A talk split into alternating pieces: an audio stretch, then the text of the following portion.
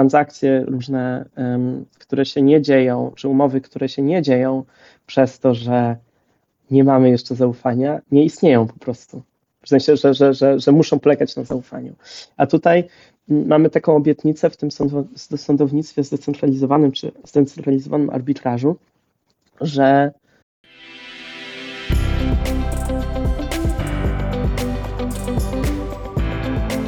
dzisiejszej rozmowie rozmawiamy z Konradem Urbanem, założycielem Pinat Protocol. Cześć Konrad, bardzo fajnie, że do nas dołączyłeś. Cześć, cześć, bardzo miło, e, że mnie zaprosiliście. Przyjemność, jak to mówimy, jest po naszej stronie.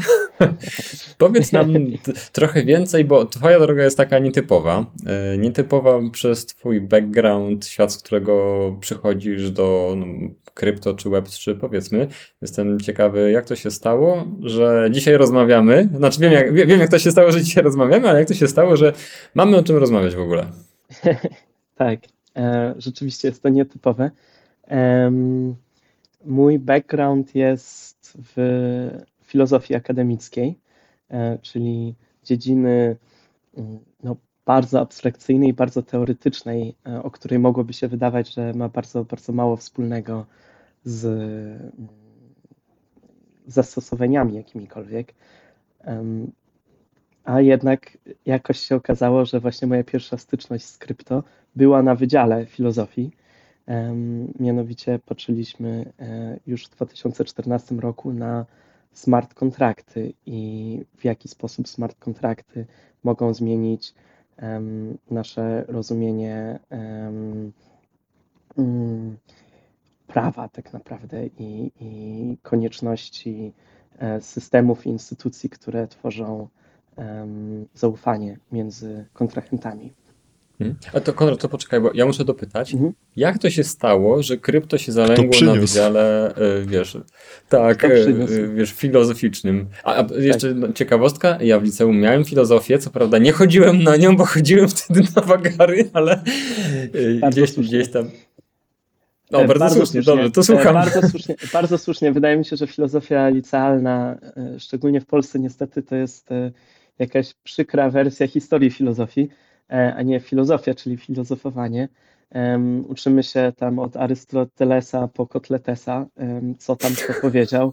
E, jeden mówi, że wszystko było z ognia, a drugi mówi, że wszystko było z powietrza. Jest to kompletnie nieadekwatne, nie wzbogaca w żaden sposób rozumienia o świecie, ani wręcz bym powiedział, że przeszkadza w myśleniu, bo jest głupotą, e, przynajmniej sposób, w jaki jest to przedstawiany.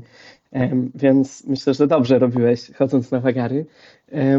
A jeżeli chodzi o pytanie, jak w ogóle jak smart kontrakty i, nie wiem, Ethereum, tak, e, zalęgło jak, jak w ogóle mogło się znaleźć na Wydziale Filozofii gdzieś w północnej Anglii, w jakimś średniowiecznym budynku. Studiowałem w Anglii. Był to, mieliśmy pewnego doktoranta, który się specjalizował w filozofii prawa i, i on się zajmował właśnie zaufaniem. I on stworzył grupę po prostu osób, które są zainteresowane w jakiś sposób e, przyszłością prawa, teoriami właśnie e, o zaufaniu i tak dalej. Wydaje mi się, że tutaj takim pozory mogą mylić, bo nam się bardzo kojarzy filozofia właśnie z historią filozofii, jakimś gdybaniem w jakichś Platonach i innych już dawno temu e, umarłych e, e, natomiast, autorach. Natomiast m, pewne dziedziny są bardzo bliskie temu, co jest cutting edge, jakbyśmy powiedzieli, w nauce czy w technologii. Myślę, że właśnie szczególnie w informatyce, w systemach informatycznych one są bardzo bliskie logice, Mm, i ontologii, czyli dziedzinie badania rzeczy takich jak zbiory e, i tak dalej, może informacji, e, teorii informacji i tak dalej. Więc mm, są pewne jakieś takie miejsca, gdzie pewne, pewne styki i, i są one na pewno bardzo, bardzo ciekawe i zaskakujące. Mhm. A to, to są te czasy, kiedy chyba właśnie Ethereum wchodziło z white paperem i, i była taka ma, mała, nie mała, ale była rewolucja właśnie w tym świadku. To jest ciekawe, że znalazł się doktorant, który od strony filozoficznej tutaj to, e, że tak powiem, zaatakował.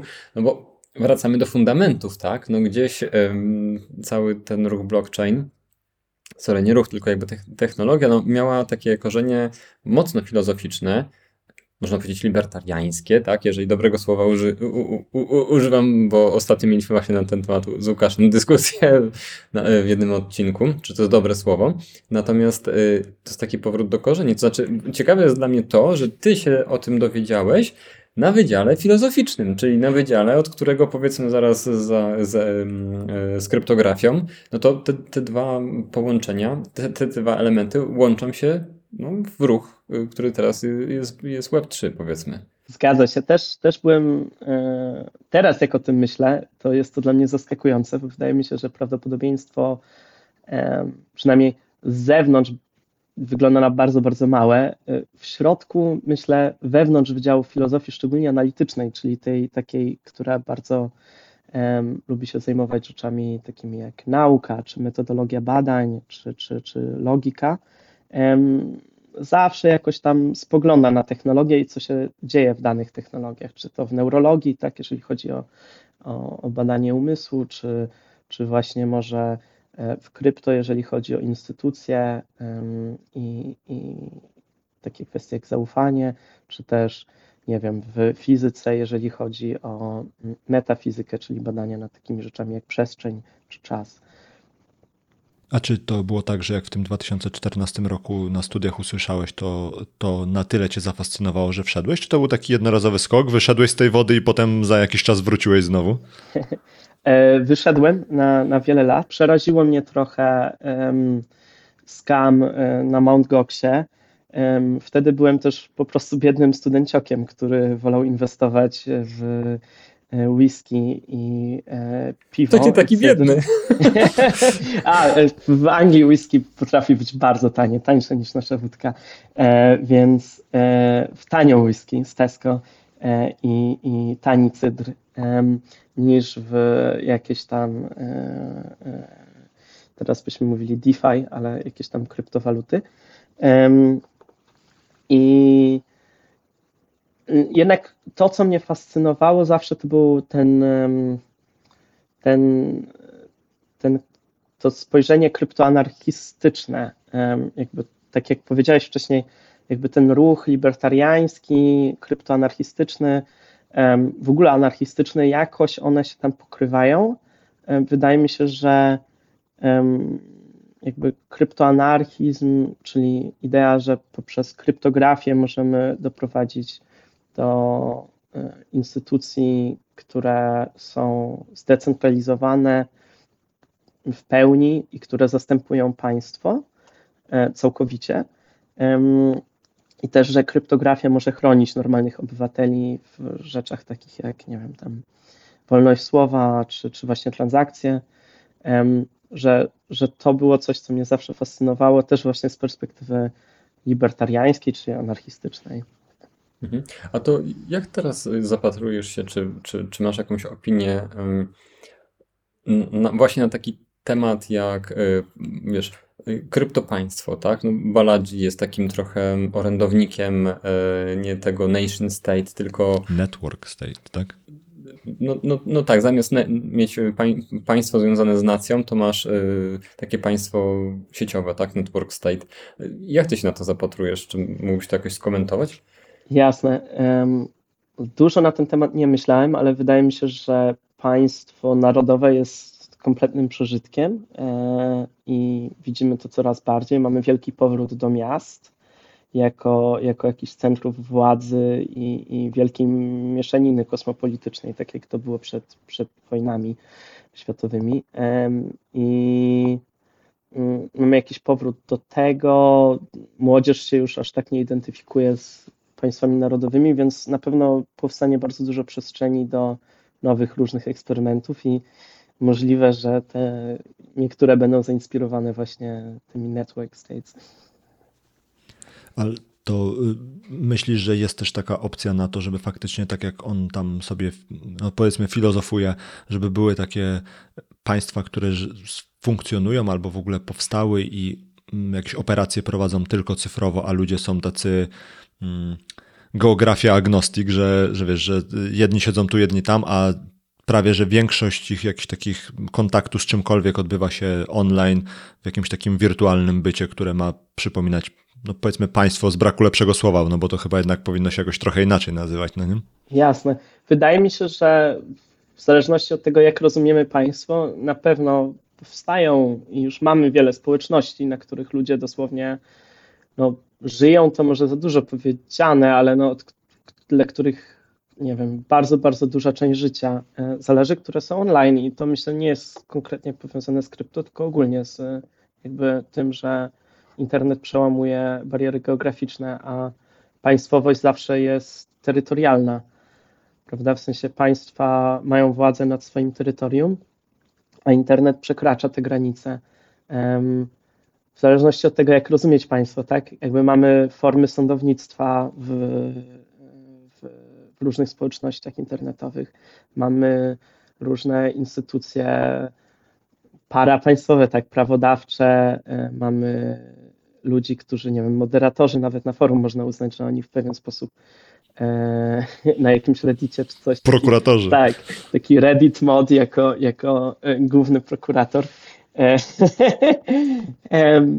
jakoś tam, jakoś tam te, te, te potrzeby, powiedzmy, które próbuje spełniać państwo narodowe, są uniwersalne, tak? Czyli, czyli po prostu tworzyć bazę do pokojowej interakcji między danymi obywatelami w tym przypadku, albo tutaj członkami jakiejś DAO, czy, czy, czy forum, czy, czy dowolnej społeczności.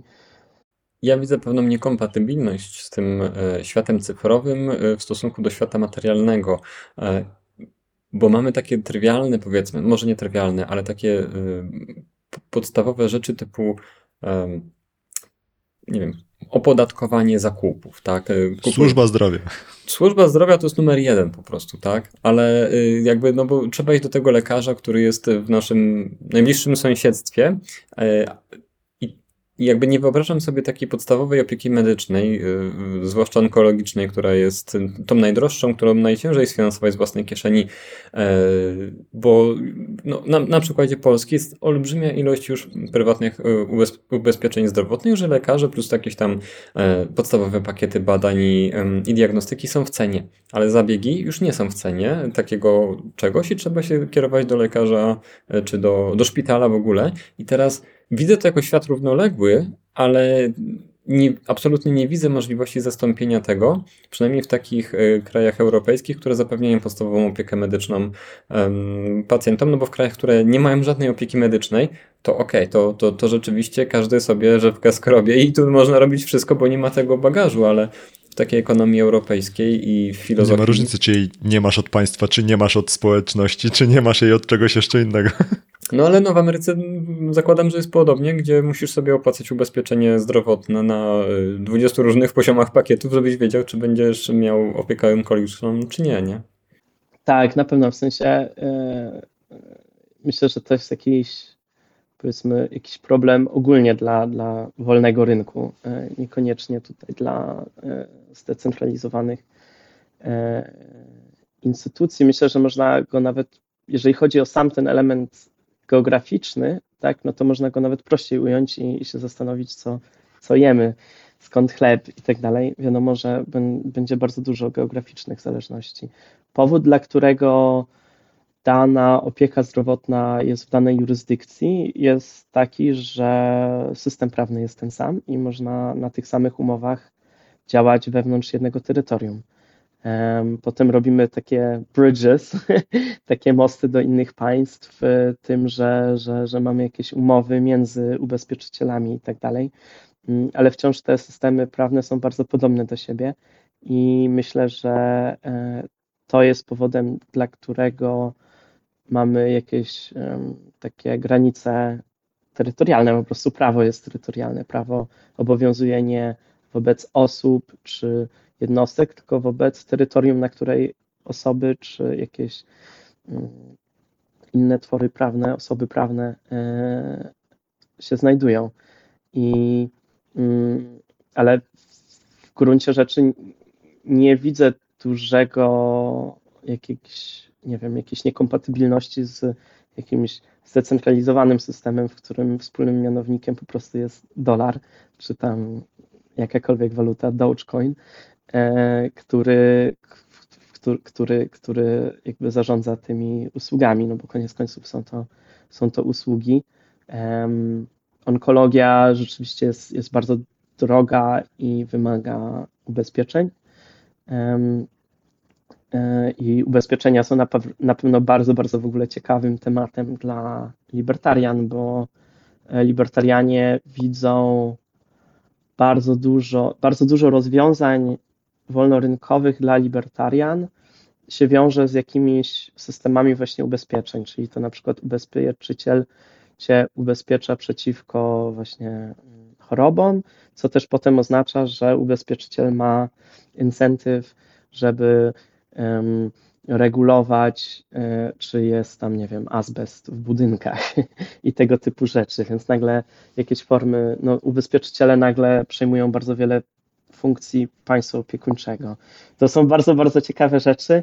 Um, na pewno, na pewno bardzo oddalone od naszej rzeczywistości, w której mniej więcej mm, chyba nie wiem, 40% PKB e, to jest jednak państwo i wszystko leci przez, idzie przez państwo, więc e, myślę, że są to jakieś utopie, o których można sobie gdybać przy piwie.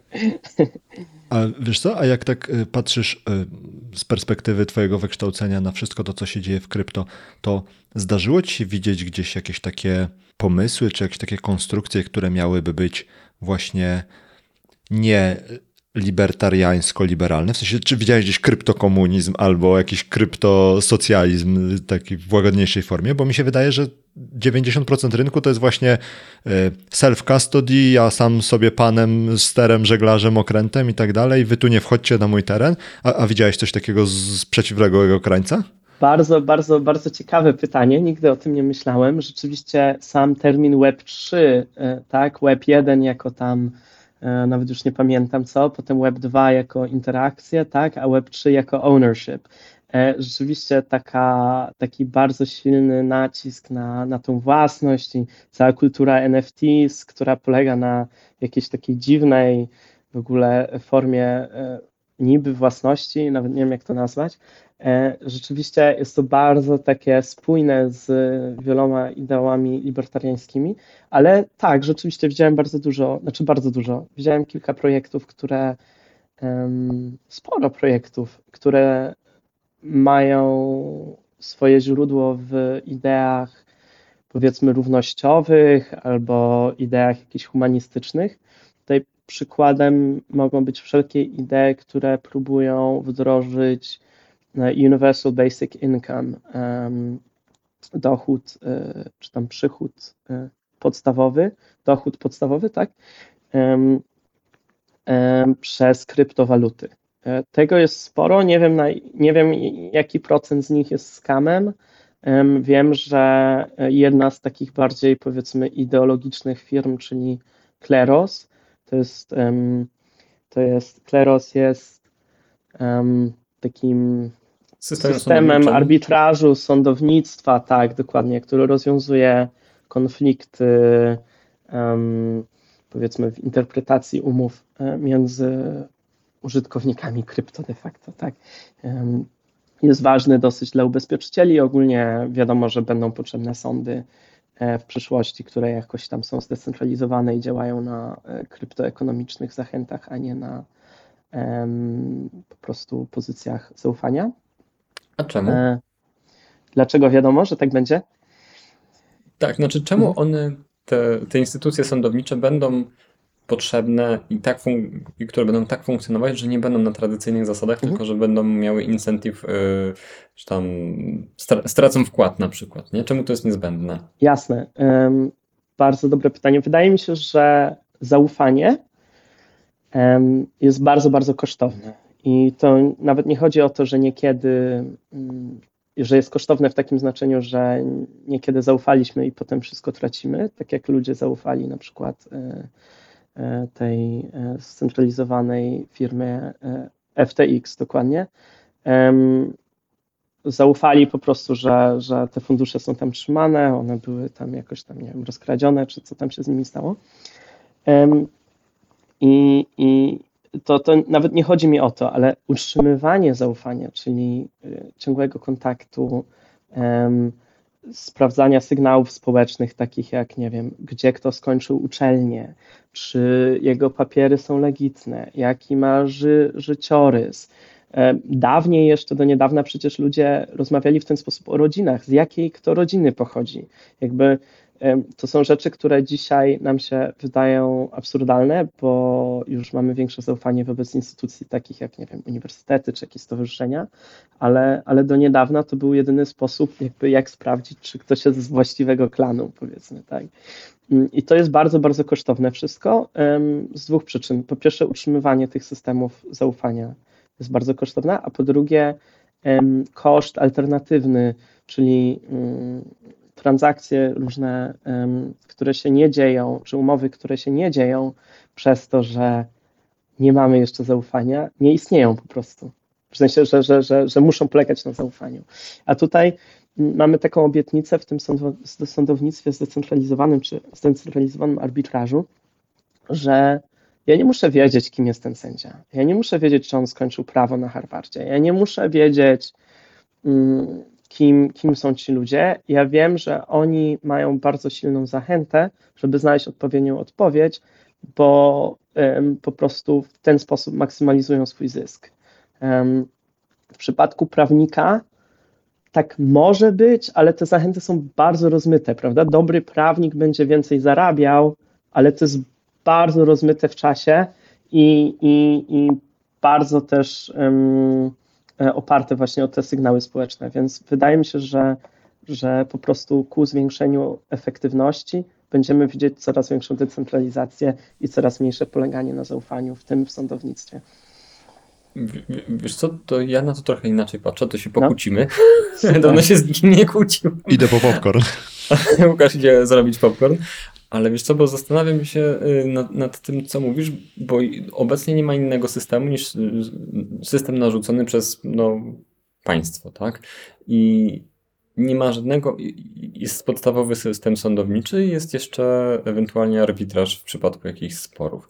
I teraz ty nie masz nawet możliwości się zastanawiać czy martwić, czy sędzia, który będzie sądził w twojej sprawie, jest w jakikolwiek sposób. Ty nie masz na niego wpływu. Masz wpływ na to, jakiego adwokata weźmiesz, który będzie cię reprezentował.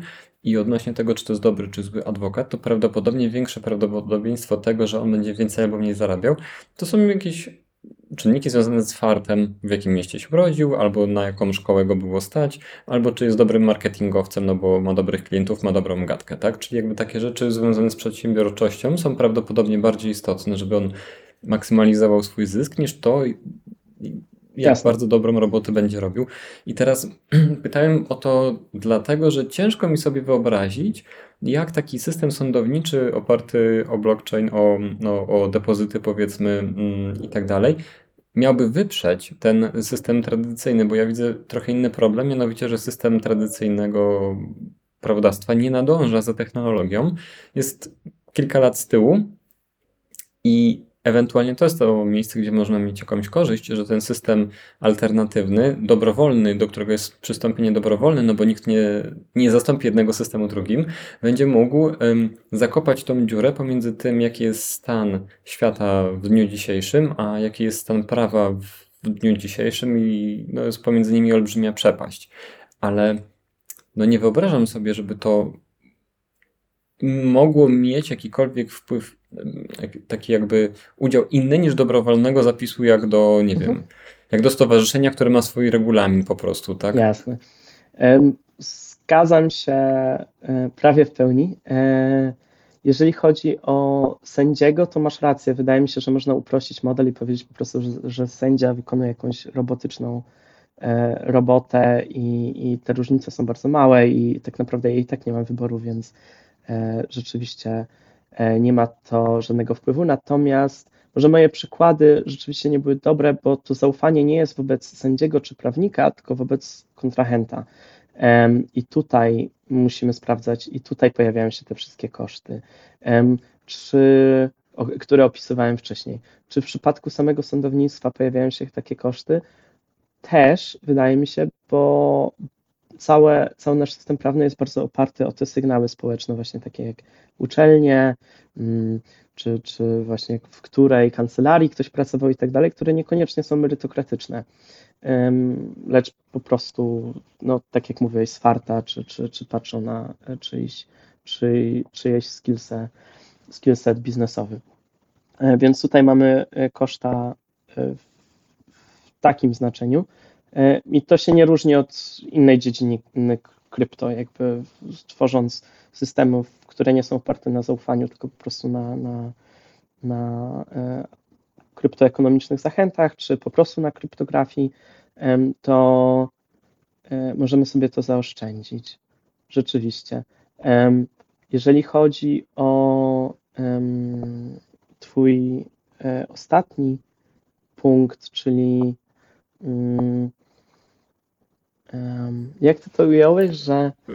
Jest no. przepaść między obecnym stanem e, tak. zaawansowania mhm. technologii, a tym, tak. jak prawo ją mhm. ogarnia.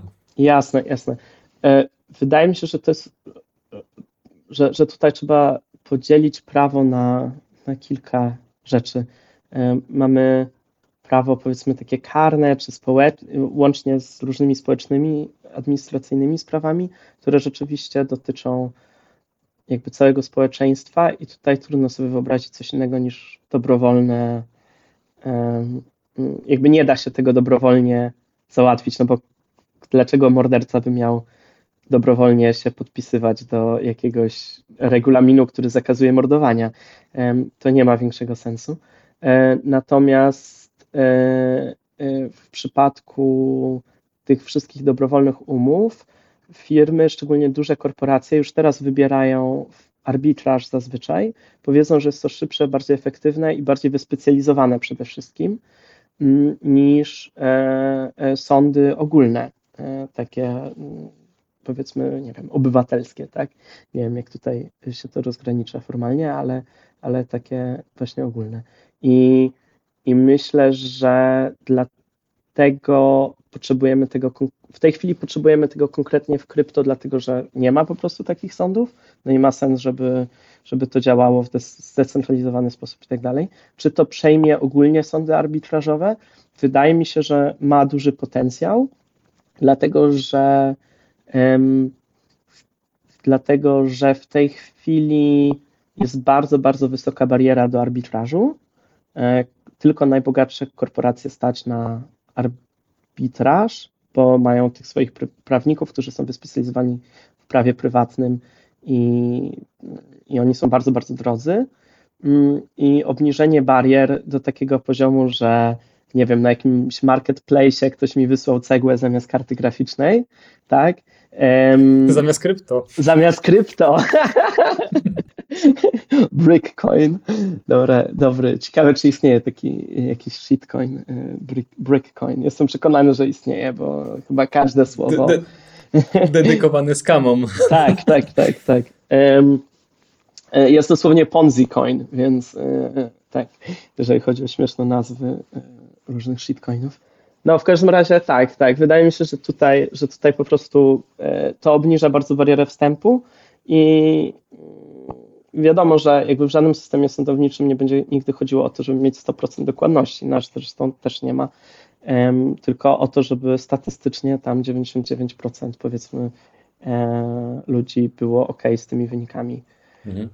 To przekonałeś mnie z tym arbitrażem, bo rzeczywiście e, ja myślałem tak bardziej, wiesz, e, globalnie, a rzeczywiście taki Klaros e, jest po prostu, można by go zinterpretować jako izbę arbitrażową, jeżeli to 100%. się tak dobrze, jeżeli dobrze mówię. Tak, no. tak mi się wydaje i nie, nie widzę na razie potencjału jako, wiesz, ogólnospołeczny, nie wiem, z prokuratorem i tak dalej. Zresztą sama idea przestępstwa i prawa karnego polega na tym, że całe społeczeństwo jakby zaskarża kogoś, tak? Jakby prokurator w imieniu społeczeństwa mówi, ty zamordowałeś i to jest kogoś i to jest tak straszne przestępstwo, tak straszny czyn, że jako przestępstwo ciebie zaskarża, jako całe społeczeństwo ciebie zaskarżamy, jako państwo, um, więc wymaga to państwowości, więc nie zobaczymy czegoś takiego. To się wręcz kłóci konceptualnie. I to jest jeszcze, mm, gdzieś czytałem w takiej e, książce na poły filozoficznej, znaczy na pewno napisaną, napisanej przez, e, przez filozofa, trzeba mieć umowę społeczną i teraz ty z faktu samego, że się rodzisz w danym, y, wewnątrz danego kółka określającego kraj albo stanu w Stanach w dodatku, no to z, na, z faktu twoich narodzin ty przystępujesz do tej umowy społecznej i ciężko się z niej wypisać inaczej niż y, zrzekając się, nie wiem, wyprowadzając i zrzekając obywatelstwa na przykład, nie? I to, te, też nie ma tu zagroż dobrowolności tak naprawdę. Tak, no jest to to jest chyba główny taki argument anarchistyczny i libertariański właśnie, że ej, ale halo, ja nigdy nic nie podpisywałem, który jest moim zdaniem jakoś tam sensowny, no bo nakładanie obowiązków przede wszystkim na osobę z racji narodzin mi trochę przypomina system jakiś tam kastowy czy, czy niewolnictwo. I wydaje mi się, że powinniśmy mieć dobrowolność w, w tym, z kim nawiązujemy relacje i jakie umowy. Nie wiem, jak to, nie wiem, jak, jak, jakie byłoby libertariańskie rozwiązanie, czy anarchistyczne rozwiązanie problemu tak prostego, jak po prostu to, że dziecko jak się rodzi, to ma rodziców, którzy czemuś podlegają i się rodzi zawsze na jakimś terytorium. Więc e, niestety, niestety jeszcze nie słyszałem tutaj dobrego rozwiązania, ale to, żeby defaultowo być wpisanym w jakiś bardzo, bardzo skomplikowany no, umowę, bez zgody też mi się nie wydaje jakoś super sprawiedliwe, więc jakoś i tak źle, i tak niedobrze. Zakręćmy trochę mimo wszystko w stronę y, krypto i Web3. Jasne. Y, wiesz co? Bo tak zastanawiałem się co jakiś czas, jak wychodzą najczęściej jakieś afery w krypto albo jakieś nowe, super wspaniałe projekty, które potem kończą się aferami, czy jest szansa, Twoim zdaniem, że faktycznie społeczność wokół krypto, czy szerzej mówiąc wokół Web3, jest w stanie wymyślić jakąś nową taką ideę, taką na tyle świeżą i taką, która jest w stanie przetrwać, czy to nie jest po prostu tak, że przez to, że ludzie w krypto są młodzi, to oni wpadają na te same pomysły, na które wpadli już wszyscy ludzie, którzy dzisiaj są starzy, wpadali jak byli młodzi i już ci starsi wiedzą, że on te idee i jakby te wszystkie takie konstrukcje, one nie działają, że jakby gdyby miały działać, to już by działały i po prostu krypto odkopuje na nowo takie najbardziej basicowe pomysły, a potem je zakopuje z kolejnymi aferami, z kolejnymi problemami, z kolejnymi jakimiś takimi rzeczami, które się dzieją i tak realnie to prawdopodobieństwo tego, że jakby cała ta społeczność wymyśli coś nowego, jest mikroskopijne. Jak ty na to patrzysz? W sensie, jak oceniasz prawdopodobieństwo, że ludzie z krypto odkryją coś nowego, czego jeszcze nie wymyślili ludzie przed nimi? Mhm, bardzo, bardzo ciekawe. Od, odkryją i wdrożą, o może tak, bo odkryć to jeszcze można sobie odkryć, tak, tylko tak, potem tak, pytanie, czy da się to wdrożyć. No e, My favorite hot take do tej pory, bardzo, bardzo mi się podoba. E, wydaje mi się, że na pewno jest tendencja zawsze, jak jest coś nowego i zawsze, gdy są młodzi ludzie na wymyślanie tych samych rzeczy. Strasznie zabawne jest to, jak często w Silicon Valley wymyśla się autobus. E, w sensie bardzo wiele e, pseudo rozwiązań e, problemu korków w San Francisco to są, jest jakaś bardzo udziwniona wersja autobusu. I tutaj przodownikiem jest chyba Elon Musk, który, który wymyślił w pewnym momencie e, metro, czyli, czyli po prostu tunel pod ziemią z jakimiś podami, na których. No nieważne, w każdym razie rzeczywiście jest coś takiego, że, że często się wymyśla to samo, bo po prostu. Um, um, powiedzmy, jeżeli byśmy porównali do systemu genetycznego, tak, to, to wielu złożonych systemach, jeżeli jest ten sam, e, to samo środowisko, no to, to widzimy wspólne ścieżki, tak, do których wszystko dąży. Na przykład w ewolucji mamy kraby. W sensie jest bardzo dużo rzeczy, które wyglądają jak kraby, a tak naprawdę się wzięły z różnych kierunków ewolucyjnych, e, z wielu różnych rodzin zwierząt. Na pewno jest coś takiego. E, to, są, to jest jeszcze optymistyczna wersja, w których się udało to wdrożyć. Ale tutaj mówimy wręcz jeszcze bardziej pesymistyczna teza, czyli że e, to jest po prostu wymyślanie od nowa tych rzeczy, które już wiemy, że się nie udały. Wydaje mi się, że jest bardzo dużo takich projektów, ale to, co sprawia, że mam bardzo dużo wiary w cały space, to jest ten bardzo wczesny sygnał, czyli gdy mieliśmy retail boom i e, kompletni amatorzy zaczynali inwestować oszczędności swoje w krypto, ludzie to bardzo, bardzo krytykują i mówią, dobra, tam były same skamy, bardzo dużo ludzi potraciło e, swoje oszczędności i, i rzeczywiście jakby jeżeli ktoś jest skamerem i nie siedzi w krypto, to źle sobie wybrał dziedzinę. Um, powinien jak najszybciej być w krypto, bo krypto jest najlepszą. Zoptymalizować prostu, powinien tak, swoje życie. Pod krypto, bo, bo krypto jest najlepszą, najlepszym środowiskiem do skamowania, um, bo transakcje są finalne i tak dalej, i tak dalej, i nie ma sądów i tak dalej, policji nie ma.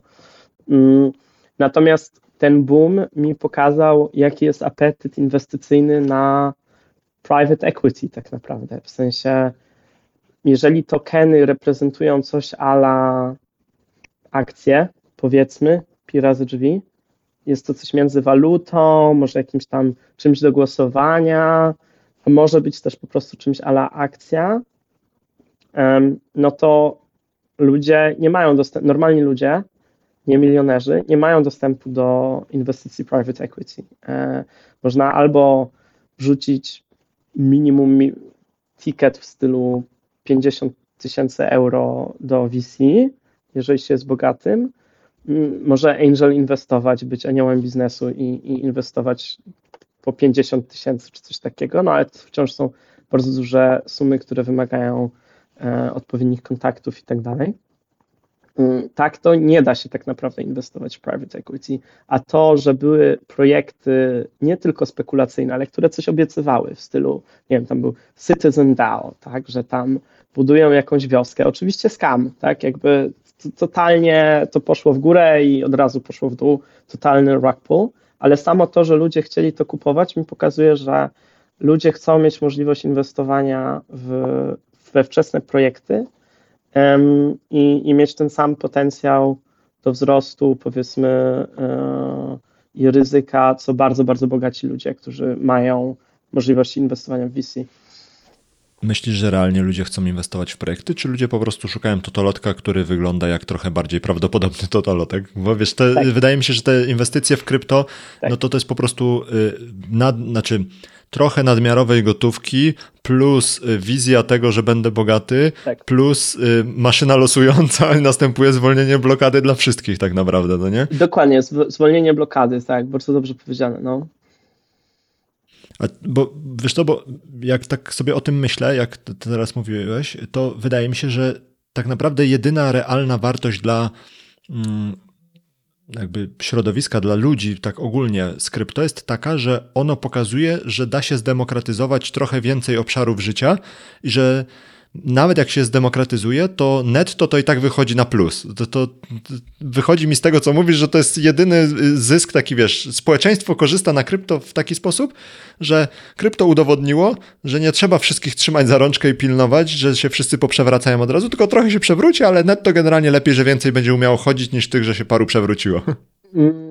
Ja bym zinterpretował to tak, y, ale powód, y, dla którego jestem z tego zadowolony, nie jest taki, że udowodniliśmy, że nie trzeba trzymać społeczeństwa za rączkę, bo wydaje mi się, że te wszystkie regulacje, IPO, y, te wszystkie mm, regulacje na, na giełdach i tak dalej, nie powstały po to, żeby chronić. Znaczy, jakby argument zawsze był taki, żeby chronić inwestorów. Na sztandarach tak? to było. Na sztandarach to było, no ale wydaje mi się, że prawda jest taka, że um, czy, czy, czy bliżej prawdy jest, czy dużym aspektem prawdy jest to powiedzmy, e, że e, tworzy się bariery um, wstępu. I, I, te bariery są w tej chwili bardzo wysokie i tak naprawdę tylko dla top 1% najbogatszych um, osób, tak samo jak unikanie podatków i tak dalej, te wszystkie fajne rzeczy. E, e, e, Najlepsza zabawa jest dla bogatych. Jest, jest, jest, jest tylko dla bogatych, tak? Um, czy unikanie sankcji i tak dalej. I nagle krypto e, umożliwia wiele z tych zabaw, łącznie z tymi złymi i ryzykownymi. Um, normalnym obywatelom, tak? czy normalnym ludziom, którzy niekoniecznie mają 10, 10 czy 100 milionowy family trust fund e, odziedziczony z siedmiu generacji, jeszcze z czasów kolonialnych. Tak więc to jest, to jest myślę to jest ten optymizm, e, który mam. Uważam, że krypto, jeżeli w ogóle to retail boom udowodnił, że ludzie nie powinni inwestować e, i mam nadzieję, że tutaj kulturowo przynajmniej się nauczyliśmy, że ej, jakby warto sprawdzać i it can't go up e, zawsze. Nie? Okay. A ty dlaczego wszedłeś w Web3 i w krypto tak full time, jak rozumiem? Um, w drugiej turze, tak. W ogóle zacząłem moją przygodę dokładnie, gdy się zaczął bear market, um, e, więc, więc w idealnym momencie. Um, Bo lubisz zimę, tak? Bo to, to, to ma lubię zimę, lubię zimę, zima jest, jest super, można się wspinać e, i, i wchodzić na wysokie lodowe szczyty, na których okay. mam nadzieję, że się znajdziemy. Ale um, e, krypto mnie właśnie pociąga z perspektywy um, ideologicznej, e, z perspektywy takiej, żeby, żeby jakoś oddzielić trochę państwo od gospodarki i tutaj no, państwo ma dwa mechanizmy tak naprawdę sterowania gospodarką, fiskalny, czyli podatki i dystrybuowanie tych podatków, no i politykę monetarną. I moim zdaniem im, im, im bardziej zabieramy państwu władzę nad tym, co nasze, tym, tym lepiej. Tak? Um, okay. Czyli to, libertarianizm y, myślę, gra ci w duszy. Myślę, że dość klasycznie tutaj y, myśl wolnorynkowa y, mi gra w duszy, natomiast dla mnie ona się nie łączy w ogóle z silnym pojęciem własności na przykład, tak, czyli te, te wszystkie tam aspekty typu, że o, chcę, żeby to był mój tweet, tak, czy tam jakieś te wszystkie ideologiczne... Pierwszy tweet Jacka Dorsey'a. Tak, tak, dokładnie, takie rzeczy, to, to w ogóle mnie, jakby uważam, że to jest e, dziwne. Mhm. A to jak wyglądała twoja ścieżka przy tym drugim podejściu do krypto? W sensie, jak doszedłeś do tego miejsca, w którym jesteś teraz i projektu, który teraz realizujesz, do którego za chwilę pewnie dojdziemy? Jasne, um, więc byłem w właśnie filozofii akademickiej. Um, studiowałem w Anglii i w Szkocji. Potem na chwilę wróciłem do Polski i, i um, zacząłem robić coś, co bardzo, bardzo lubię e, z pasji. Um, zacząłem uczyć w liceum, bo bardzo, bardzo lubię dzieciaki. I uczyłem e, w liceum i niestety, czy stety wybuchł COVID Chodzili na wagary, jak macie. tak, chodzili na wagary. Nie, ja, ja nie puszczałem, nie, żartuję. E, mo, moje dzieciaki jakoś e, same e, lubiły przychodzić, chyba lubiły interakcję ze mną, bo... Nie wiem, czy o licealistach bezpiecznie jest mówić dzieciaki, Konrad, jak cię znajdą gdzieś, Na pewno mnie znajdą, na pewno, na pewno mnie znajdą. Miałem chyba mój najstarszy uczeń miał 21 lat, więc e, myślę, że, że mogą... Dzieciak. Tak, dzieciak. Um, Myślę, nie wiem, wydaje mi się, że, że, że lubili chodzić. E, zawsze im dawałem przestrzeń na to, żeby eksplorować swoje jakieś tam e, e, tematy i rzeczy, które ich ciekawią. Mam nadzieję, że tak o mnie myślą i mówią. E, Mojemu jeszcze... nauczycielowi na pewno się też to wydawało. no ja, ja korzystałem z tej przestrzeni. Maciek eksplorował boiska okoliczne.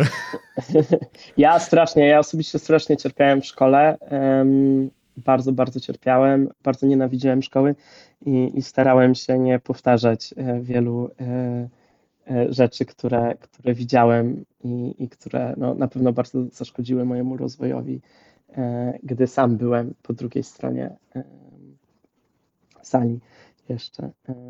No, w każdym razie właśnie wybuchł COVID i wtedy siedziałem na kwarantannie z Orestem Tarasiukiem, który który notabene był e, gościem i przez którego się poznaliśmy w ogóle. I na tej kwarantannie e, wzięliśmy udział w jakichś chyba urodzinach, czy jakiejś takiej imprezie, jakiejś imprezie towarzyskiej. I, i, i to było na Zoomie i strasznie nas to zaczęło nudzić. I, i ten, ten Zoom był strasznie kiepski i w ogóle jakoś tak jak to jest możliwe, że tacy fajni ludzie, z którymi zazwyczaj imprezujemy, a tak nudna impreza. No i wtedy powstał pomysł na startup i, i to był mój początek w świecie technologii startupów. Zajmowałem się, współzałożyliśmy um, taki SaaS, B2B na wirtualne eventy e, i tam próbowaliśmy jakoś rozwiązać ten problem, że bardzo trudno jest poznawać ludzi na Zoomie i robiliśmy takie wirtualne imprezki koktajlowe. bardzo dużo się wtedy um, nauczyłem, szczególnie od Oresta, który był e, znacznie jakby starszy, jeżeli chodzi o doświadczenie w świecie startupów, bo wcześniej był CTO Caraker tutaj w Berlinie, um, startupu, który się zajmuje um, trawieniem. I no i, i, i później, niestety nic nie wypalił, to, tak się nazywał ten startup, e, niestety to nie wypaliło, e, myślę, że no z wielu powodów, tak, ale, ale między innymi ten rynek się nie okazał być aż tak obiecujący, jak myśleliśmy. Po drugie, mój brak doświadczenia też e, założycielskiego i, i brak jakiegoś ekosystemu przez, przez COVID, tak, brak znajomych, czy, czy, czy w ogóle networku wśród founderów i, czy, czy inwestorów i tak dalej, doprowadził do tego, że tak naprawdę po małym pre-seedzie czy, czy takiej angelskiej rundzie dość szybko e, e, no, upadliśmy. No i, ale to był taki moment, w którym zrozumiałem, że, że bardzo mnie jara technologia i że technologią można dużo zmieniać. To był dla mnie taki totalny shift w ogóle paradygmatów, bo wcześniej no, w akademickiej filozofii napiszesz jakiś paper i może pięć osób będzie wiedziało, o co w nim chodzi um, na świecie, tak? A potem jako nauczyciel, no to też bardzo małe grupy, y, jakby to, co robiłem, dotyczyło bardzo niewielu osób. Nagle tutaj robiąc software, poczułem, że no, myśmy mieli ponad 10 tysięcy użytkowników, to znaczy, że coś, co my zrobiliśmy, gdzie my dobieraliśmy interfejs, gdzie my wybieraliśmy mm, feature'y i tak dalej, miało interakcję z dziesięcioma tysiącami ludzi, którzy tam spędzili nie wiem ile set godzin w sumie, czy ile tysięcy godzin. I to było dla mnie coś niesamowitego i wiedziałem, że bym chciał pójść w startupy, a potem już było tylko pytanie, mm, jaki, jaki przemysł, jakie miejsce i bardzo zabawne, bo się okazało, że zarówno ja, jak i mój były współzałożyciel i bardzo bliski i drogi przyjaciel Orest e, poszliśmy w krypto, ale już oddzielnie. On poszedł do Scrolla. To ciebie Orest nie, nie pociągnął za sobą? nie, myślę, że Scroll jest bardzo... Nastąpił. Tak, równolegle. E, to było równolegle. Naszym angelem w Nicie był Dankrat, który pracuje w Ethereum i, um, i jest z nimi tam od, od od bardzo dawna i, jest ważną postacią e, w świecie powiedzmy takim bardziej infrastruktury i, i, i w ogóle powiedzmy teorii um, krypto.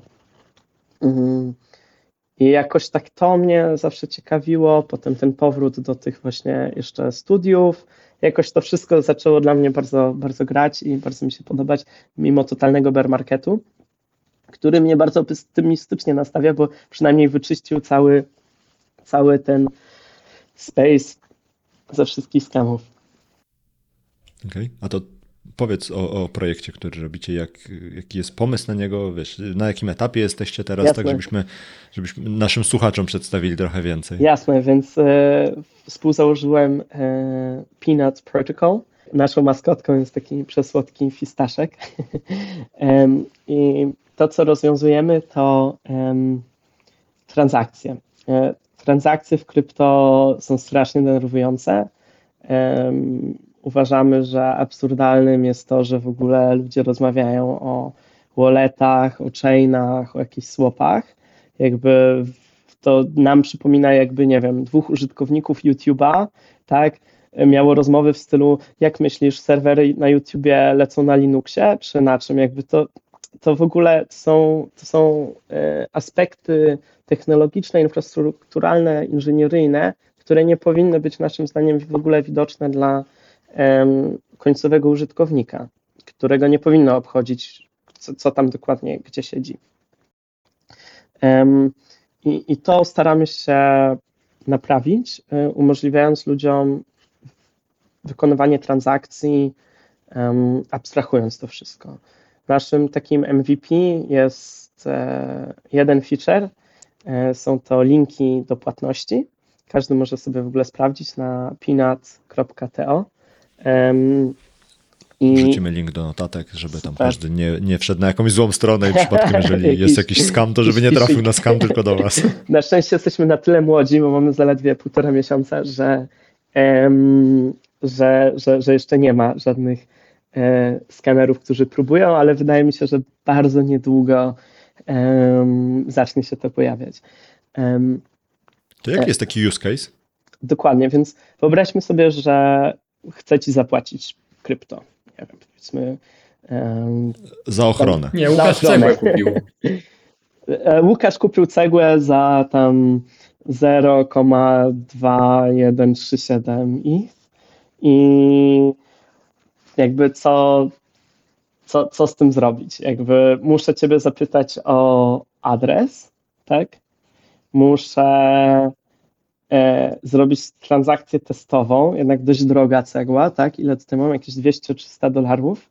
Um, więc robię transakcję testową, żeby to nie poszło gdzieś. Um, muszę tym samym kanałem, którym Cię pytałem o, o, o adres, muszę zapytać o to, czy, czy transakcja testowa się udała. E, no i, i, i dopiero wtedy mogę dokonać transakcji. Przy każdym kroku mogę popełnić błąd, jest ryzyko phishingowe, no a przede wszystkim to strasznie długo trwa. Wyobraź sobie, że chcesz opłacić, nie wiem, 10 osób e, i, i wszystkie musisz um, pytać o, o, o, te, o te dane i, i, I nie pomylić się potem jeszcze. I jeszcze się nie pomylić między nimi i tak dalej. No, no dramat. W ogóle gadaliśmy z takim chłopakiem, notabene z Warszawy, e, który robił payouty, właśnie jakieś tam bounties mm, mm, i opowiadaliśmy o Pinacie i on w trakcie tej rozmowy sobie przypomniał, że kogoś tam nie sfollow-upował o, o, o adres, bo już trzy maile wysłał, a, a jeszcze nie dostał. I w trakcie tej rozmowy sobie przypomniał, że jeszcze ma, musi to zrobić, a e, user flow w przypadku Pinat jest taki, że wchodzę na Pinat.to, e, mogę też interagować bezpośrednio ze smart kontraktem, więc tutaj ten frontend jest, jest e, niezależny, jesteśmy w pełni zdecentralizowani. I wchodzę sobie na Pinat.to, wpisuję tam kwotę, klikam send, to się łączy automatycznie z Metamaskiem i tak dalej, wysyła te pieniądze e, e, i, i, ja dostaję link i mogę tobie wysłać ten link i ty sobie możesz w dowolnej chwili, dowolnym walletem odebrać e, te fundusze, które są jakby schowane w tym linku. Okej, okay, czyli to nie działa w taki sposób, że ja wysyłam dla ciebie polecenie zapłaty, że ty wisisz mi 0,21, tylko ty wpłacasz to na taki escrow, nazwijmy dokładnie, to. Dokładnie. I ten, kto go dostanie, może, w sensie ten, kto dostanie tego linka, może sobie wyciągnąć te pieniądze, bo zakładacie, że skoro zna tego linka, to znaczy, że dokładnie. jest uprawniony do tego, żeby, żeby dostać te pieniądze, tak? Dokładnie, zgadza się, dokładnie. Założenie jest takie, że linki są wysyłane tym kanałem, który już mamy, co jest też bardzo pożyteczne, no bo jakby na przykład gadam teraz z wami, no i mogę wam wysłać tutaj, gdyby był czat, e, to bym wam tutaj wysłał e, ten link, już wiem, że to jesteście wy, nie? Odwrotność tego robi Request Network, e, czyli właśnie te requesty, które opisywać. Wiesz co, zastanawiam się, skoro macie półtora miesiąca, to jaki jest poziom zaawansowania? No bo to, ten jakby cały pomysł to jest jeden feature, tak jak powiedziałeś, no nie? I teraz, czy to jest tak, że wy już jesteście, jesteście skończeni, teraz jest kwestia dodawania kolejnych sieci albo kolejnych jakichś ekosystemów, w których chcecie funkcjonować? Czy, czy są jakieś kolejne feature'y, które będziecie dokładać? Mamy masę feature'ów, e, które będziemy dokładać. Naszą wizją jest e, wyabstrahowanie wszystkich tych rzeczy, jak swapy, chainy, wallety, e, w taki sposób, że, że, że koniec końców wysyłam tobie, wiesz, tam jakąś kwotę denominowaną w dolarach i ty w ogóle się nie musisz martwić, co za tym, co za tym stoi. Możesz sobie odebrać w dowolnej innej kryptowalucie, czy w stablecoinie, mm, czy w czymkolwiek chcesz. E, łącznie. Czyli onrampowanie takie też. Właśnie nad offrampowaniem się zastanawiamy dość poważnie. Na pewno będzie on-ramp i off-ramp w przyszłości. Myślę, że w tej chwili rynek nie jest na to jeszcze gotowy ale na pewno będziemy mieli możliwość tworzenia custodial um, wallets um, bez um, jakby żeby móc wysyłać ludziom krypto, którzy jeszcze nie mają walletów. I te custodial wallets będą mm, zależne od Twoich loginów na mediach społecznościowych. Czyli mogę Ci wysłać krypto jedyne co Ty musisz zrobić, to się zalogować na przykład na Google i Facebooku i, I te dwa loginy razem jakby tworzą twój seed phrase dla, dla, technicz, dla, dla, dla nietechnicznych odbiorców, to seed phrase jest tym, co jest konieczne, żeby stworzyć adres i trzymanie go, zazwyczaj jest on trzymany na kartce papieru ludzi w domach i, i który jakby zarządza twoim portfelem. Jest takie hasło do, do portfela. I tego typu feature'y będą e, właśnie na będą umożliwiały szeroką adopcję krypto bez konieczności właśnie tworzenia jakichś walletów czy, czy, czy przechodzenia przez jakieś głupie procesy na scentralizowanych exchange'ach. Ja trochę pochallenge'uję. Jasne. A czemu ktoś miałby chcieć wysyłać komuś krypto, kto nie ma kryptoportfela i tak dalej, skoro, y, no wiesz, wszystkie takie przelewy w stylu tam jakimś blikiem na tak. telefon, y, Revolutem, czy w Stanach Venmo, czy jakkolwiek tak. się nazywają te wszystkie aplikacje fintechowe, umożliwiają przelanie dowolnej kwoty w super prosty i taki łatwy do obsłużenia sposób, to czemu ktoś miałby chcieć, czemu miałbyś mi zapłacić Jasne. w krypto, że ja to odebrał w dolarach? Jasne, dla, e, prosty powód e, mm, i jestem trochę w twoim pytaniu zawarty, bo e, musiałeś wymienić kilka e, narzędzi, które każde ma swoją geografię. Venmo jest popularne w Stanach, Blik jest popularny w Polsce, Bizum jest popularny w Hiszpanii, te wszystkie systemy płatności są zamkniętymi ekosystemami, które próbują zachować wszystkich użytkowników u siebie. Krypto ma wielką obietnicę e, composability, e, możliwości komponowania różnych elementów, różnych rozwiązań, i my, będąc protokołem, zachęcamy innych do budowania aplikacji na naszym protokole. Więc Tutaj nie będzie zależności geograficznej i krypto już przekracza e, granice, mm, więc to jest ten aspekt, dlaczego możemy przegonić PayPala, Venmo, Bizum, Blika i tak dalej. Dlaczego w tej chwili ktoś by miał korzystać? Dlatego, że już teraz ludzie płacą freelancerom, nie wiem, grafikom, e, różnym ludziom firmy krypto już teraz płacą w fiacie albo w stablecoinach. Ale czy to nie wpada trochę w kategorię unikania e, opodatkowania slash jakiegoś prawodawstwa i tak naprawdę możecie potencjalnie pod, potknąć się o to, że no gdzieś jednak pojawi się problem w związku z tym, że odbiorca jest nie w tym kraju albo nadawca jest nie w tym kraju i że to generuje jakieś tam komplikacje i problemy? Na pewno jeżeli regulator się zdecyduje mocniej regulować samo krypto, to myślę, że możemy się znaleźć w podobnej pozycji do PayPala, który umożliwia wysyłanie, odbieranie tam mniejszych kwot, ale w chwili, w której coś chcemy poważniejszego zrobić, to wymaga KYC. Um, ale e, w tej chwili jesteśmy w lepszej pozycji od PayPala. Um, w przyszłości trudno powiedzieć, w którą stronę to pójdzie.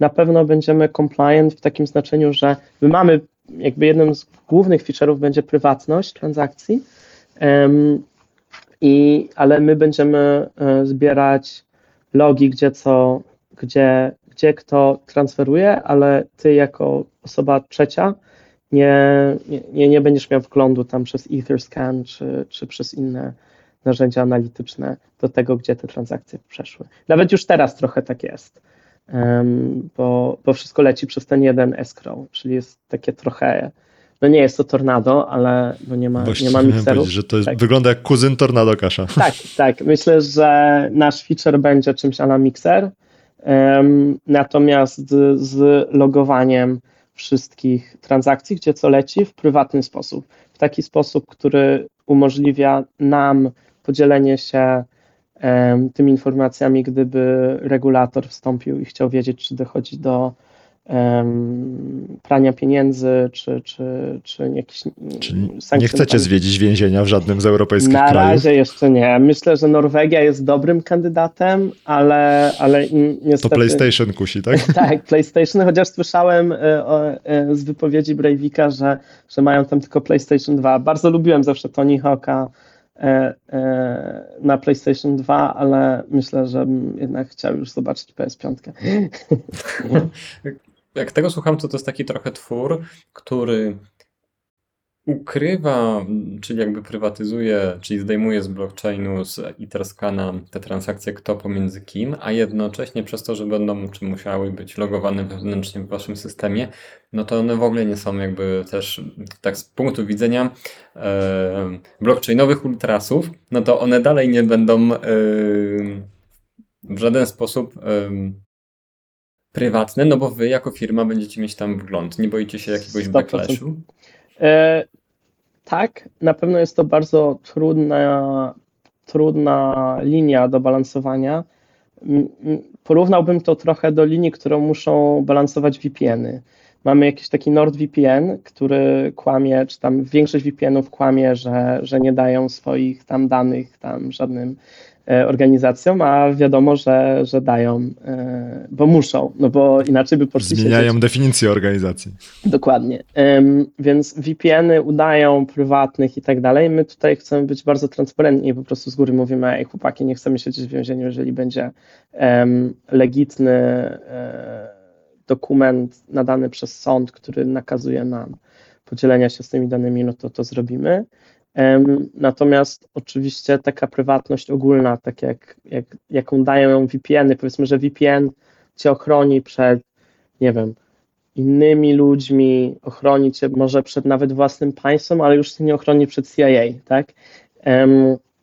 I myślę, że to jest ten poziom prywatności, że to be Etherscan proof, but not to be CIA proof. E, Bo CIA powiedzmy sobie szczerze, że, że, że trudno będzie wygrać i też wydaje mi się, że nie będzie w ogóle żadnego potencjału na szerszą adopcję tych fajnych aspektów krypto, jeżeli nie będzie Mm, jeżeli koniec końców te wielkie mocarstwa nie będą miały jakiegoś tam wglądu w to, co się dzieje.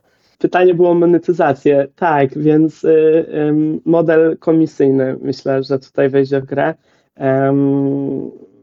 Ym, jeszcze do ko- końca nie wiemy, jak, jak to ugryźć, ale wydaje nam się, że możemy już teraz pobierać opłaty od tych wszystkich biznesowych rozwiązań, czyli na przykład jak mamy zarządzanie wieloma transakcjami, em, na przykład muszę wysłać, nie wiem, 10 linków czy 100 linków, czy, czy zrobić jakiś airdrop NFT-sów e, na bilety, powiedzmy, czy coś takiego, no to to są rozwiązania biznesowe, za które już teraz wiemy, że ludzie są skłonni płacić. Tak samo jakieś swapy, może prywatność, te wszystkie takie bariery. Myślę, że tutaj możemy mieć model jakiś komisyjny. E, A jeżeli chodzi o zwykłych użytkowników, takich peer-to-peer, no to podobnie do PayPala na razie w ogóle tylko nie, nie mamy zamiaru monetyzować.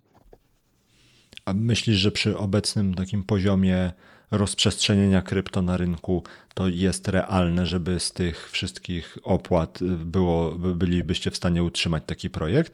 No bo wiesz, y, no to tam masą się zdobywa pieniądze, no nie? Nie rzeźbą ani nie sprawnością. no? Zgadzam się. Absolutnie nie. W tej chwili firm krypto jest zaledwie 60 tysięcy. I jeżeli ktoś mi mówi, że robi narzędzie, które jest tylko dla firm krypto, nie wiem, jakieś tam zarządzanie tokenami dla DAO czy coś takiego, no to albo musi mnie przekonać, że to wzrośnie o, nie wiem, faktor 100, e, e, ten rynek wzrośnie o faktor 100, e, albo mieć jakąś przekonującą historię, że bardzo dużo będzie w stanie zebrać pieniędzy za daną usługę. Zazwyczaj tego nie ma. Ja wierzę, że ten rynek trochę wzrośnie, ale nie liczę na to. W sensie nie zakładałbym firmy, która musi polegać na tym, że w przeciągu dwóch lat będziemy mieli wzrost stukrotny. Mamy zamiar wejść w rynek jakby poza samymi firmami krypto, czyli nie robić tylko B2B, tylko właśnie transakcji peer-to-peer i, i mieć takie mm, takim, takim prowajderem mm, na transakcje, jak właśnie PayPal, e, który, który bardzo ładnie monetyzował na początku swoich działań tych e, wszelki e-commerce, tak? Czyli tutaj taki aspekt trochę płatności, ułatwiania tych płatności um, i tak dalej. A to jakbyśmy się spotkali za dwa lata, albo powiedzmy może bardziej za trzy lata, to jeżeli Pinat się nie udał, to dlaczego? Jak myślisz, jaki będzie taki najbardziej prawdopodobny scenariusz, że jednak się mimo wszystko nie uda? Bardzo dobre pytanie. Trudno w tej chwili powiedzieć. E, mamy, jesteśmy bardzo, bardzo młodzi, jeszcze nie wiemy do końca, jakie niebezpieczeństwa na nas czyhają. Wydaje mi się, że może się okazać, że e, most między krypto a realnym światem za wolno jest budowany i że jesteśmy za wcześnie. Może się okazać, że nie dochodzi do masowej adopcji krypto, że nie ma kolejnej fali przez wiele, wiele lat, że mamy bear market, który trwa tam nie 3 lata, tylko 8 albo 100. um, który trwa zawsze. Który trwa zawsze. Um, myślę, że to są duże ryzyka. Jeżeli chodzi, ludzie często mówią o regulacji jako ryzyka, ale wydaje mi się, że tutaj dotyczy, regulacja nas dotyczy tak samo jak wszystkie inne projekty, więc jakoś super się nie martwię. Um, tak. Czy jak budujecie tą, tą infrastrukturę na różnych projektach, znaczy na, na różnych ekosystemach bardziej, na różnych chainach, to widzisz, że są jakieś takie chainy, które twoim zdaniem są, no nie wiem, daleko przed innymi, no może poza Ethereum, no bo tam wiemy, że masa y, y, jakaś się zgromadziła, czy to twórców, czy też użytkowników Ethereum, no jakby wy, oni wyprzedzają wszystko, no nie? Mhm. A, a czy widzisz jakieś inne projekty, które są też takie, że nie wiem, albo się szybko rozwijają, albo są super pomocne, albo, albo takie, które zupełnie y, obumarły i, i widzisz, że no to nic dobrego mhm. tam z tego nie będzie, bo stra- jak to mówi, zapał wygasł. Jasne. Wiesz co, powiem Ci bardzo, bardzo szczerze, że jeżeli chodzi o jakiekolwiek ekosystemy poza Ethereum, to wiem prawie tyle co zero. E, w sensie nie wiem, czy byłbym w stanie wymienić więcej niż trzy. Okay.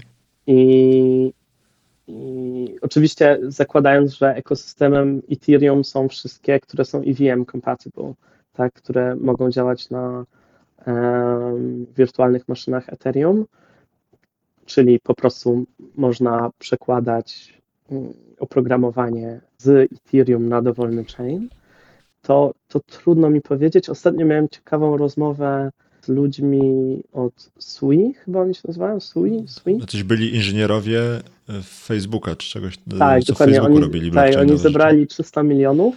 Miałem um, okazję e, na imprezce e, koktajlowej, tak na luzie, pogadać z człowiekiem, który był jednym z głównych inwestorów, czy prowadził jedną z głównych inwestycji. I, I strasznie bawiło mnie to, że ich marketing się pokrywał 100% z tym, co mówił ten inwestor, a ich white paper się zerowo pokrywał z tym, co mówił marketing i inwestor. Czyli mm, ich marketing i inwestor mówili, że to jest tam, to nie jest chain, tylko to jest network i że mają inny język programowania, który jest lepszy od tam Solidity Rust, bo jest object-oriented. Nie wiem, w jaki sposób to ma wpłynąć na to, że ten język jest lepszy czy gorszy. I, i jakieś tam kilka innych argumentów, i, i potem się okazuje, gdy czytam white paper, że tak naprawdę jest to zwykły blockchain kolejny. Um, więc ja, ja podchodzę. Kolejna baza danych. Tak, tak, tak. Liniowa też, tak, więc ta, ta idea networku nie ma sensu. Język rzeczywiście mają swój, ale jak widziałem y, smart kontrakty na proste rzeczy typu escrow, najprostszy escrow, no to on miał tam 150 linii kodu, a, a w Solidity to ma tak 30 linii kodu, więc jakby oczywiście to niekoniecznie znaczy, że jest lepszy czy, czy, czy gorszy, długość kodu tego nie oznacza, ale na pewno nie jest łatwiejszy dla devów. Um, I nie wiem, jakoś tak z wielką rezerwą podchodzę do tych, do tych wszystkich innych projektów jakoś nie jestem po prostu jak, jak o nich słyszę, to, to, to nie jakby od razu jestem jakoś tam podejrzliwy, tak. Nie dlatego, że jestem maksymalistą Ethereum, tylko wydaje mi się po prostu, że można budować layer tools i, i, i budować po prostu na tym samym um, i, i, nie wierzę do końca w jakiś taki tam multi-chain world. Intuicyjnie po prostu. Możliwe, że się całkowicie mylę co do tego. A jak e, byśmy tak przenieśli się właśnie te 2-3 lata do przodu, zakładając, że Pinat się jednak udał, to jak myślisz, jak wygląda cały ekosystem taki dookoła krypto Web3? W sensie, jak wygląda ten taki, wiesz, stan na dzień za 3 lata do przodu? Co, co się zmieniło względem tego, co mamy dzisiaj albo mieliśmy wczoraj? Chciałbym zobaczyć znacznie więcej aplikacji, realnych aplikacji, które realnie działają i Chciałbym zobaczyć pierwsze aplikacje, na których są użytkownicy, którzy nawet nie wiedzą o tym, że to jest krypto. Myślę, że to będzie taki wyznacznik. A to w każdym korpo tak będzie. To, to każde zastosowanie blockchaina w korpo tak będzie wyglądało, że tam użytkownicy nie będą wiedzieli, bo ich to nawet nie będzie interesowało. Dokładnie, dokładnie. więc mam nadzieję na coś takiego, tylko tyle, że w prawdziwie zdecentralizowanych e, blockchainach i aplikacjach. Myślę, że o, z dziwnych projektów blockchainowych, które mają sens, a które nie są bezpośrednio Ethereum, mimo że jest, znaczy oni są EVM compatible, tak jak wszystko moim zdaniem jest rozsądne. E, e, jest EVM compatible, ale bardzo fajny moim zdaniem jest Filecoin i ekosystem IPFS. Oni jest, Filecoin to jest taki taka warstwa incentywizacyjna na IPFS. IPFS to jest zdecentralizowany sposób przechowywania danych. Będziemy potrzebowali jakiegoś zdecentralizowanego sposobu przechowywania danych, chociażby, żeby mieć frontendy do wszystkich naszych super kryptoaplikacji, które w tej chwili są na Google Cloud czy na Amazonie. No, jakby trudno się nazywać zdecentralizowaną aplikacją, jeżeli, e, jeżeli wszystko jest na Amazonie czy na Google. Więc, więc to jest bardzo fajny projekt, coraz więcej powstaje na nim e, aplikacji. Sami zdeployowaliśmy kilka śmiesznych apek, czy dapek, właśnie, które mają frontendy na e, IPFS. E, to jest taki fajny, sorry, że tak wtrąciłem, ale właśnie mi się przypomniało, że, że, że, że, że to jest coś fajnego. A ta przyszłość za trzy lata? Dobre pytanie. E, no właśnie, chciałbym, żeby po raz pierwszy były prawdziwe, w pełni zdecentralizowane projekty, gdzie użytkownik nie przychodzi dlatego, że to jest krypto, w sensie jakieś social medium, gdzie na przykład ludzie się angażują i tweetują, czy coś tam piszą, nie dlatego, że oni są krypto i to jest kryptoprojekt, tylko dlatego, że realnie po prostu ich koledzy tam są, albo dlatego, że fajne logo, albo dlatego, że nie wiem, fajna funkcjonalność jakaś. Konrad, czy to oznacza, że chcesz zobaczyć pierwszy projekt krypto, który nie jest sponsor?